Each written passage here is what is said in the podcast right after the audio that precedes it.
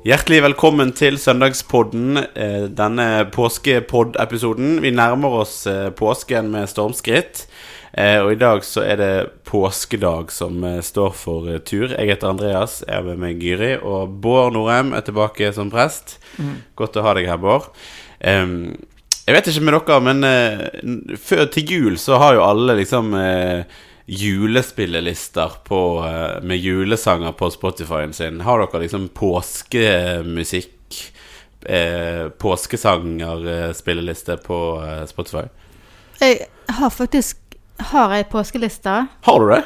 Eh, One of a kind. Ja, er det sant? Ja. har du det? Jeg har to, faktisk. Jeg har ei som jeg har jo jobba her litt med sånn Skulle ha en sånn påskevandring for barn, og ja. da samler jeg litt sånn derre eh, Hosianna og noen sånne sanger. Men så har jeg litt mer privat påskeliste. Men ja. den, eh, den, slutter vel Jeg har liksom glemt litt at jeg har den. Så det er liksom Kyrie av Bjørn Eidsvåg og Kyrie av Gabrielle. Og så er det masse Bjørn Eidsvåg, og så plutselig var det noe Susanne Sundfør. Så det er ikke sånn det er ikke Det var mye Kyrie, da. Så du kunne jo masse inn, Kyrie, så det er jo. Du kunne lagt inn en sånn Kyrie fra en av eh, Bach sine personer. Matteus eller Johannes. Ja, jeg må altså. jobbe litt mer med den Kyrie Jeg må jobbe litt med Hendels Messias. Altså, det, det fins jo masse. Ja. Har du eh... Jeg skulle ønske det, Men jeg er jo ganske dårlig på spillelister i det hele tatt på. Spotify. Det er kanskje sånn alders eh, giveaway. Det, eller kanskje bare latskap. men, men, det slår meg da at det er eh, Vi overøses jo av julemusikk til jul. Sant? Det er diskusjon hvor tidlig kan den begynne. Er det lov? Altså Butikker som spiller julemusikk i 1. oktober, det syns de fleste er litt tidlig. Men 1.11. så er det kanskje noen som aksepterer det. Men, for jeg tror butikken er ganske sånn kynisk spiller på det. Men det er jo ikke mange butikker som spiller påskemusikk. For hva skulle det være, liksom? Nei, det, For det er veldig lite Jeg synes det er eh, veldig, veldig lite pompøse eh, påskesanger om Kvikk Lunsj og, og, appelsin. Frank Sinatra, liksom. Hvor, Nei, hva, hva sang han om påsken, liksom? Sånn, altså, sånn, ja, for det er jo ofte sånn butikk... Eh, butikksanger. Roasting on an open fire, liksom. Det, hva skal jeg si, da? Kvikk Lunsj spises på en skitur Men, men det har ikke noe med sånn, Det var ikke så dumt. Appelsiner skrelles ved en ja, fond.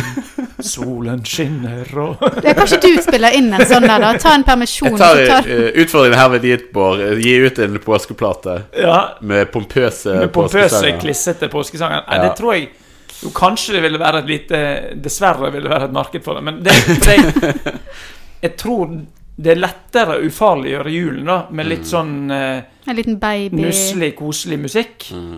Sant, som alle syns er litt deilig å ha mm. som bakgrunnsmusikk. Altså, Overgangen fra julemusikk til heismusikk er dessverre av og til litt for kort. Men, eh, men overgangen fra det som eventuelt er påskemusikk, til heismusikk, vil jo, altså, det vil jo antageligvis skape litt sånn både kanskje frykt og eh, beven i, i heisen. Og hvis du setter på skikkelig påskemusikk. Sant? For påskemusikk er liksom både det stilleste av det stille mm. og paukene! Sant? Ja. ja, det, ja det, og det er jo den der variasjonen mellom det Ja, det utrolig dramatiske og det liksom feirende men Garnes har jo faktisk gitt ut en påskeplate. Har de, de, har jo, de turnerer jo med påskekonsert nå før mm. påske. Ah. Så de har faktisk gitt ut en påskeplate. Det er veldig veldig mye ja. bra musikk. Eh, og det er, veldig, det er, jo veldig, tydelig kristen musikk.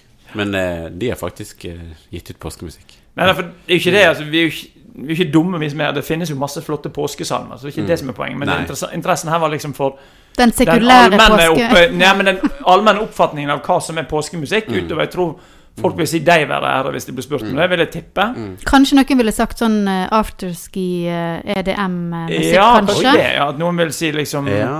At egentlig denne her uh, til han uh, Raske briller. Raske briller det er liksom, at det er mm. liksom påskemusikk til Nicolay ja. Ramm. Det er jo liksom. interessant. Kanskje vi skulle ha spurt spurt den yngre garde om hva er påskemusikk for deg. Hva er påskemusikk for deg? Ja, Interessant.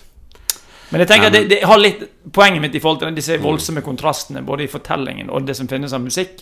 For du har sånne helt langsomme, seige, stille salmer på langfredag mm. til da paukene og jubelen på første påskedag. Mm. Eh, det blir litt sånn som å helle kontrastvæske over hele livet. Altså det, ting kommer mye klarere fram.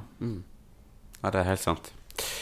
Men vi skal eh, lese påskedagsteksten som eh, du skal få lese for oss, Gry. Ja, den står i Johannes 20. Tidlig om morgenen den første dagen i uken, mens det ennå er mørkt, kommer Maria Magdalena til graven. Da ser hun at steinen foran graven er tatt bort. Hun løper av sted og kommer til Simon Peter og den andre disippel, han som Jesus hadde kjær, og hun sier, De har tatt Herren bort fra graven, og vi vet ikke hvor de har lagt ham. Da dro Peter og den andre disippel ut og kom til graven. De løp sammen, men den andre disippel løp fortere enn Peter og kom først. Han bøyde seg fram og så linklærne ligge der, men gikk ikke inn i graven. Simon Peter kom nå etter, og han gikk inn. Han så linklærne som lå der, og tørkleet som Jesus hadde hatt over hodet. Det lå ikke sammen med linklærne, men sammenrullet på et sted for seg selv. Da gikk den andre disippel også inn, han som var kommet først til graven. Han så og trodde. Frem til da hadde de ikke forstått det Skriften sier, at han måtte stå opp fra de døde. Disiplene gikk så hjem. Først eh, tenker jeg eh, denne andre disippelen eh, som eh, omtales flere ganger her eh, Kan vi Det har vel vært noe Det står jo den disippelen som Jesus hadde kjær, det var vel Johannes? Det var Johannes, altså han som da regnes som eh, forfatteren Ja. av, eller Mm. kretsen rundt den som forfatteren av Johannes-evangeliet. Så det er jo en, en dårlig skjult eh, Hva skal vi si Snikskryt. snikskryt her, tenker jeg. Sant? I hvert fall hvis det er et poeng å løpe fort, da. Så det kan jo være at noen vil si at i påsken så skal ting gå langsomt. Så det var egentlig Peter som levde liksom påskeidealet. Ja, ja, ja. Men han får jo fram to prektig, ganger Han får jo to ganger fram at han, Mm. han kom først fram til graven. Ja, ja, ja. Først står det da i, i teksten at de begynte å, De sprang sammen. Men den andre disippelen sprang fortere enn Peter og kom først til graven. Og så senere, da i eh, vers 8, når denne disippelen endelig går inn, så sier han da gikk den andre lærersvennen òg inn, på nynorsk, da. Han som var kom først til graven. Og i tillegg har han nevnt at det var han som Jesus hadde kjær. Så hvis vi lurte på det, så hadde han liksom opptil flere fordelaktige sider. Har han et eh, litt undertrykt konkurranseinstinkt? eh, Det kan også være. Ja. Ja. Ikke sant? Nei, og, og, eh, og det er jo litt sånn artig med Peter som eh, Nå løper jo Johannes forbi og liksom kommer først, men han venter jo. Og lar liksom, slipper liksom inn han her Peter litt sånn eh, Du får litt sånn følelsen av eh, en unge som eh, har lyst å gjøre noe han ikke får lov til, men pusher liksom Pusher uh, Han er veldig den andre foran. Ja, veldig disiplinert. Ja. Han venter å spise til eh, Du kan se for deg at det er han typen som ser med litt sånn skråblikk på de som Å ja, så du begynte å spise desserten nå vi pleier å vente til alle Ja, har fått det, liksom. Sant? Så lar han liksom eh, Nå blir det kanskje litt overpsykologisering, dette her, men altså, Peter kan jo lett, i hvert fall for våre ører og øyne, framstå som litt mer brautende. Sånn, Som bare fortsetter omtrent i samme det løpetempoet han har hatt, så bare braser han inn i graven. Ja. Eh, og eh, men, men det fascinerende da i fortellingen er jo at eh, det er hans blikk vi allikevel da følger. Mm. Han så linkledene som lå der, og duken som Jesus hadde hatt Mm. over hodet. Mm. Den lå ikke sammen med linkledene. Det ganske, det er veldig detaljerte Ja, beskrivelser, Ja, det er det. men den var sammenrullet på et sted for seg. Mm. Det er jo litt sånn Er det et poeng poeng med å skrive det? Hæ? Er det et poeng, på en måte? Kan vi tolke noe ut av det? I, altså Det som i hvert fall jeg tenker vi kan si, at det som skjer med oss når vi leser noe så detaljert, er jo at tempoet i fortellingen på en måte tas ned, samtidig som intensiteten skrus opp. mm. Sant? For her står en jo overfor noe som er, er ufattelig. Altså Vi står Mm. helt sånn på grensen mellom det som vi ikke skjønner. Altså Døden er jo En ting at det er grensen for vår frykt og ting vi eh, liksom kjenner at her ender menneskelig, men det er også grensen for vår forstand. Mm. Sant? Det er jo det fascinerende her at det er veldig de beskriver dette ufattelige med veldig konkrete ting. Og Jesus er på en måte til stede ved å ikke være der. Ja, Det, det er jo det største paradokset i teksten. Mm. Ja, for det er jo veldig interessant, fordi eh, sant, Johannes ser, eh, kommer inn i, i graven, og så ser han dette som Peter har gjenfortalt for oss. Ja. Eh, og så står det 'han så og trodde', og eh, Jesus har jo ikke vist seg for de ennå i teksten. Det kommer etter eh, denne teksten vi har lest, at Maria Magdalena blir igjen og, og møter Jesus. Ja. Eh, og blir den første som møter Jesus fysisk, på en måte. Så det er jo det her eh, med at eh, Med at em, At uh, Ja, det blir ikke de, de ser ikke Jesus ennå, rett og slett. Ja. Nei, men det er ganske Altså, jeg tenker det at eh, de se, altså Det står at han så og trodde. Hva var det han så? Han så jo ikke Jesus, men han Nei. så at Jesus ikke var der. Mm. Ja, For det må jo ha vært et sjokk når de kom, det der at han Ja. braser inn i, i graven. Kan jo Hvis han hadde tenkt at Eller ja, de må jo ha vært sjokkert hvis de følte var, var de med og så at steinen ble tatt for og sånn? Ja, de visste i hvert fall de om det. Altså, fall om det, det-? Så det var jo veldig unaturlig at den skulle være vekke. Så, absolutt. så det at Uh, Så det er klart Hvis de hadde vært veldrevne konspirasjonsteoretikere, så kan du se for seg at de hadde gått helt opp i fistel her. sant? Og, mm, og det var det jo Gikk det jo Sånn sett var de veldig beherska her.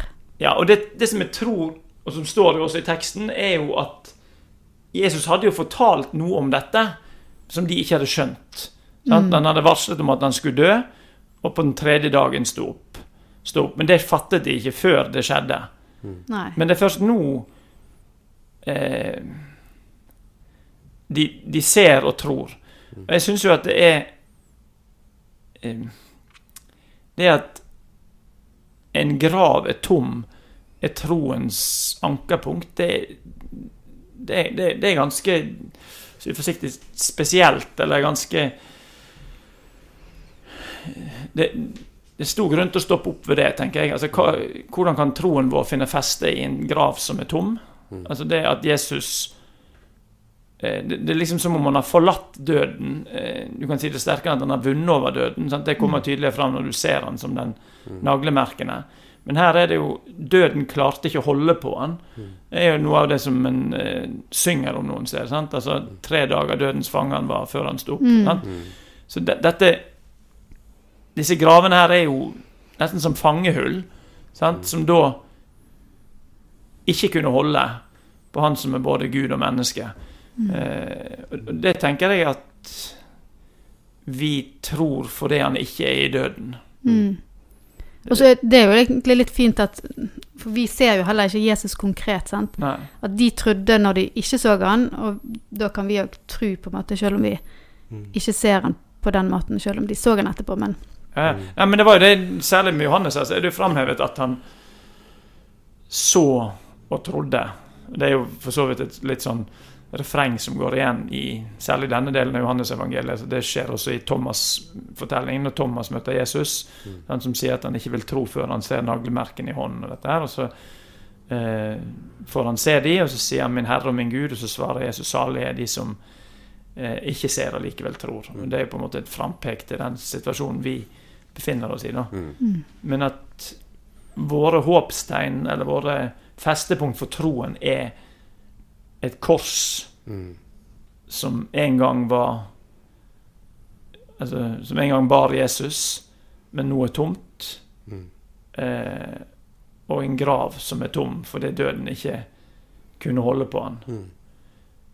Eh, så akkurat denne påsketeksten føler jeg litt sånn at hvis en skal synge 'Deg være ære', og andre litt mer sånn paukeaktige, jublende påskesalmer, så må en nesten starte med å hviske de. For denne teksten føler jeg liksom starter eh, det, Første påskedag er på en måte triumf og seier og seier over død, men denne her er liksom litt mer sånn Deg være ære Skjønner- Det starter liksom der, for det er ikke helt Det, det har ikke liksom tatt Det har ikke tatt helt av. det er ikke sånn som Thomas sier 'Min Herre og min Gud'. Sant? Ja, At det er ikke liksom der, Eller når Jesus kommer inn gjennom Når de sitter bak stengte dører. For det står jo mens det ennå er mørkt, sant. Det var så tidlig at det er liksom den grålysningen. Men hva med Maria Magdalena? For hun, har ikke vi på måte, hun er Nei. ikke så delaktig i historien, men hun er der helt i begynnelsen. For hun blir jo veldig delaktig etterpå. kom, ja, altså hun kom først, sant. Hun kom først, og det er hun som blir det første vitnet på én måte. Sant? Altså, det- hun har sett Jesus ansikt til ansikt, selv om hun ikke skjønner det først. Det som er fascinerende i teksten, er at de to versene der hun er med, altså de to første, de foregår i det som vi kaller for historisk presens. Altså Vi kan høre det på tidlig om morgenen første dagen i uken. mens det ennå er mørkt, kommer Maria Magdalena til graven. Mm. Det er liksom sånn du føler Det er helt sånn fortettet tid. Mm. Sant? De får se at steinen er tatt bort fra graven. Sant? Hun springer av sted og kommer til Simon Peter og den andre disippelen, han som Jesus hadde kjær, og sier til dem at vi er i presens. Mm. Det liksom, er Det er akkurat som de beskriver en film. på ja, det, det er som en film. Mm. Det er kjempeintenst. sant?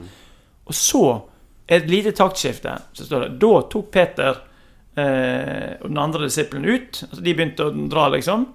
Eh, Og de løp. Og, og de løp, liksom. Det er for så vidt intenst òg, men da zoomer vi på en måte litt ut. Mm. Så det er nesten som om fortellingen Maria Magdalena bare ligger der og venter på Mm. for, Hva kommer der? Hva, det er fælt å bruke, men altså, har TV2 fremdeles dette her eh, Se hva som skjer. Jeg, jeg tror det. Had- De hadde iallfall Ja, det de før. hadde det. Ja. sant? Ja. Ja. Mm. Du Ja. føler liksom veldig at det er den der eh, du venter, Her skal det komme før. noe. Sant? Ja, ja, ja. For det, den delen av evangeliet som vi har, slutta jo veldig brått. Mm. Så gikk disiplene hjem. Det som Mm. står på gresk, er at de egentlig gikk til seg sjøl. Altså, eh, de gikk tilbake til der de, de gjemte seg sjøl, liksom. Mm. Mm. Så det er jo litt sånn Adam. Ja. Alle var enige en om at det sånn- har det er vært en en- Ja, litt sånn en stil. Skolestil. Ja. Som. ja, det er jo nesten som sånn som du sier med, si, med det å være her, at du får på en måte Trøkket begynner jo nesten etter dette. Ja. Når, når Jesus kommer og møter Maria Magdalena Ja. eh, i Etter, Ja, og da, etter da, dette. da, da sier jo hun faktisk Når hun springer tilbake igjen til de, eller gikk til de, så, da, så roper hun ut 'Jeg har sett Herren'. Sånn er det i vers 19. Sant? Mm. Da er det liksom eh, enorm frimodighet på det, og det skjer jo ved Jesu tiltale. Altså, da er det jo på en måte når, når hun hører Hun kjenner den igjen når han sier Maria, Mm. og hun svarer Raboni, Mm. som betyr mester. Mm. Eh, så, så det er jo et veldig sånn Igjen en sånn dirrende møte. Mm. Det, for meg i hvert fall så er det måten oppstandelsen er fortalt om Eller måten det fortelles om oppstandelsen, styrker for meg i hvert fall fortellingens troverdighet. Fordi det er så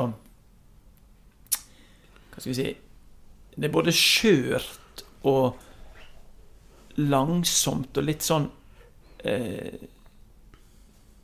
Det har noen avstikkere som er rare. Forstår du hva jeg mener? Sant? At du føler at du står ved grensen til noe som ikke så godt kan fortelles eller forklares. Mm.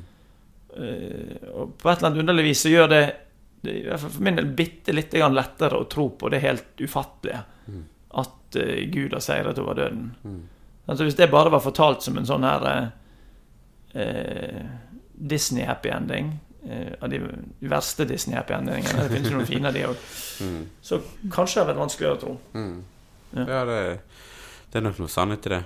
Absolutt. Hm. Vi skal avslutte med å be vår far og velsignelsen. Det får vi gjøre. Vår Far i himmelen.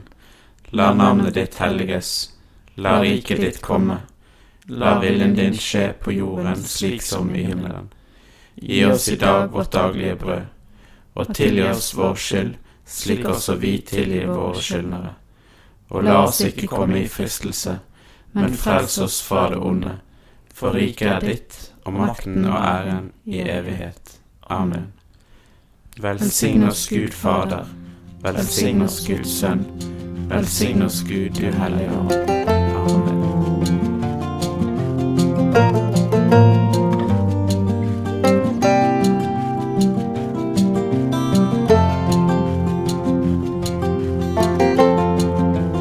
Du lyttet til denne episoden av Søndagspodden.